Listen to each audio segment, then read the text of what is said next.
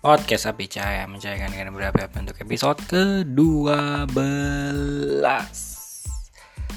Ah jadi untuk episode ke-12 ini uh, eh, Gue baca di mau ngabai Jadi ada apa dari beberapa peneliti kelautan dari Universitas California Santa Barbara uh, mereka tuh nyajiin ada 10 ocean news stories di tahun 2018 tapi gue bagi part-part ya part 2 jadi satu part 5 cerita biar nggak terlalu pusing lah.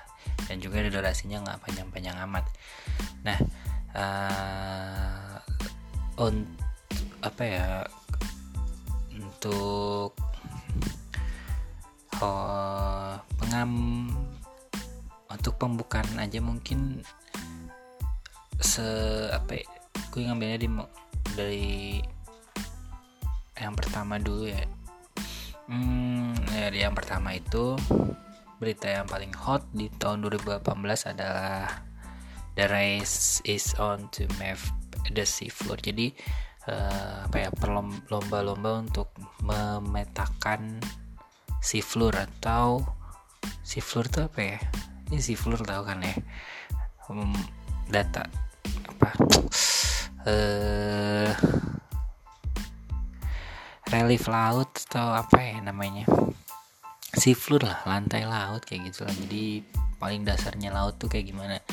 Jadi uh, kata dia tuh emang maluin sih kayak kita emang udah ngekspor bulan sama Mars tapi bottom ocean kita tuh masih belum gitu. Coba jadi uh, yang baru kepetain tuh baru 18% dari semuanya.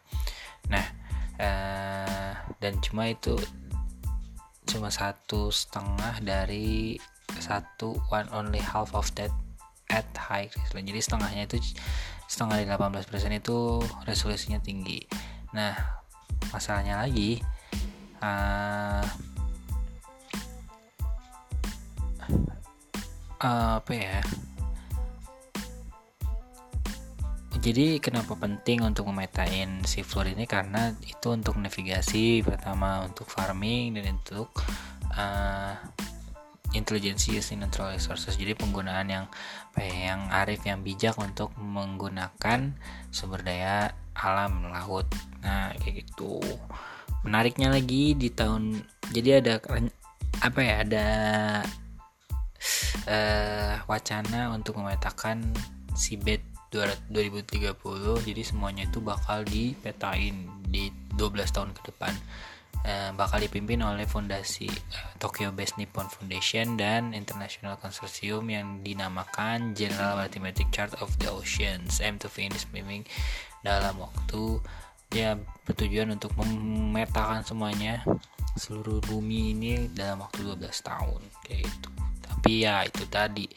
Banyak harus banyak uang dan kolaborasi dari semuanya. Itu yang pertama. Yang kedua adalah pasti yang sering-sering banget di gencar-gencarkan lah. Tahun 2012 adalah perang melawan sedotan. Sedotan. Plastik sih kayaknya. Jadi untuk jadi udah banyak sih. Gue juga sering banget bahas di podcast soal penghentian penggunaan plastik karena ya tahu sendiri kan sampah dari plastik ini emang susah banget untuk ditangani.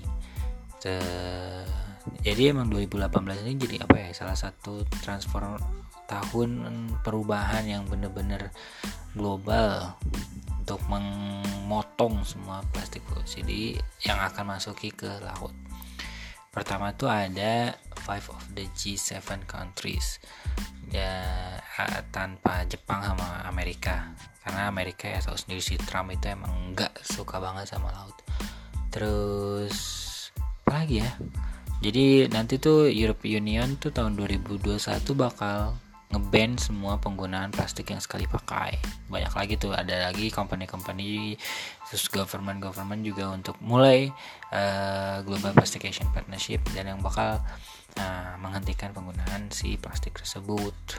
Strower and across here worldwide with places from California to Jamaica and bans of their use and sour plastic bags. Jadi Uh, penggunaan plastik collectively these reactions suggest the world may indeed be willing to start stemming this large and growing threat to ocean health.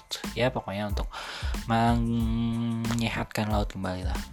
Ya mungkin ada banyak juga kan gerakan-gerakannya kayak uh, penggunaan sedotan yang stainless steel yang enggak sekali pakai dan banyak lagi yang lainnya. Ketiga ketiga ini ada Paris Agreement for the shipping industry. Oh gue gak tau banget sih. Jadi ya gue bacain aja. Seaborne shipping accounts for more than 80% of global trade. Terus this ocean traffic has a significant carbon footprint accounting for about 3% of global emissions emissions from the global transportation sector were left out when the Paris Agreement was drafted in 2015. In 2018, after several years of negotiation, the shipping industry reached its own agreement. The initial strategy of the International Maritime Organization to cut shipping emission in half by 2050 fall short of aligning with Paris Agreement targets, but represent a positive step toward decarbonizing the industry.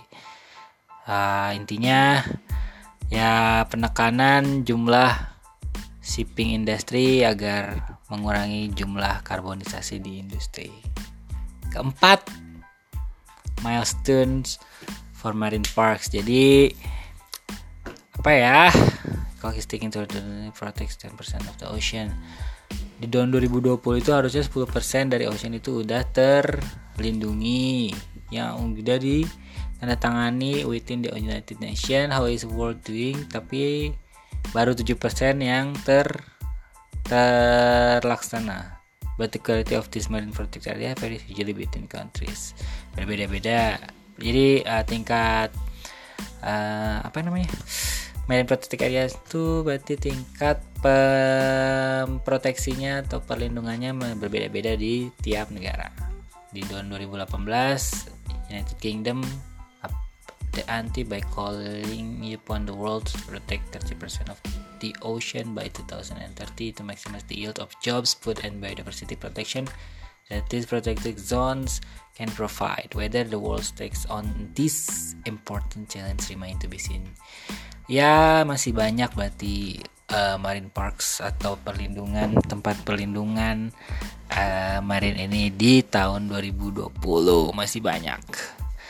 Itulah salah satunya terus pokoknya nanti di tahun 2020 itu harusnya ada 10% lah dari uh, negara semua lautan kita itu sudah terproteksi tapi karena dan 2018 saja masih 7% dan tiga naikin 3% itu eh, nggak uh, segampang yang dikira uh, ya kita doakan saja. The world to protect 30% of the biosphere bahkan United Kingdom aja udah mau menaikkan tingkat apa ya 30% dari 30% di tahun 2030 ya kita cobain aja Terus yang terakhir nomor 5 ini untuk part 1 aja sih untuk nomor part 2 nya nanti jelasin besok. Feeling the heat from climate change Ini yang pasti juga paling-paling uh, salah satu yang paling berbahaya Karena climate change ini bakal mempengaruhi ke banyak sektor kayak floods, drought, and wildfire. Seperti yang untuk di laut pasti uh, kenaikan muka air laut Terus terus apalagi apalagi ya uh, karena gletsernya mencair terus kalau di daratan wildfires kebakaran hutan ya kayak gitu-gitu. The ocean was found to be more acidic this year. Bahkan lautan bahkan lebih asam di acidic tuh asam lah lebih asam this year than it's been in 22 million years. Wow. Jadi yang tertinggi ya semenjak 2 juta tahun yang lalu. Marine heat waves which are happening more often than lasting longer.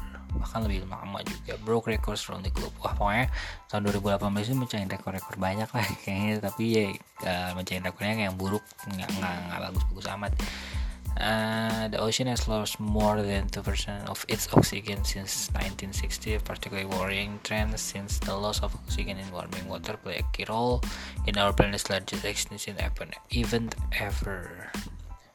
Uh, 2% dari its oxygen kehilangan oksigen yang lebih dari 2% sejak tahun 1960 itu apa ya khususnya bakal meningkatkan kekhawatiran karena hilangnya oksigen ini salah satu uh, peran berperan penting dalam hilangnya dalam event ke kepunahan massal terbesar kayak gitu. Jadi yang kemarin juga pernah dijelasin kan kenapa kepunahan massal yang di Prioken yang di Taman Prasejarah.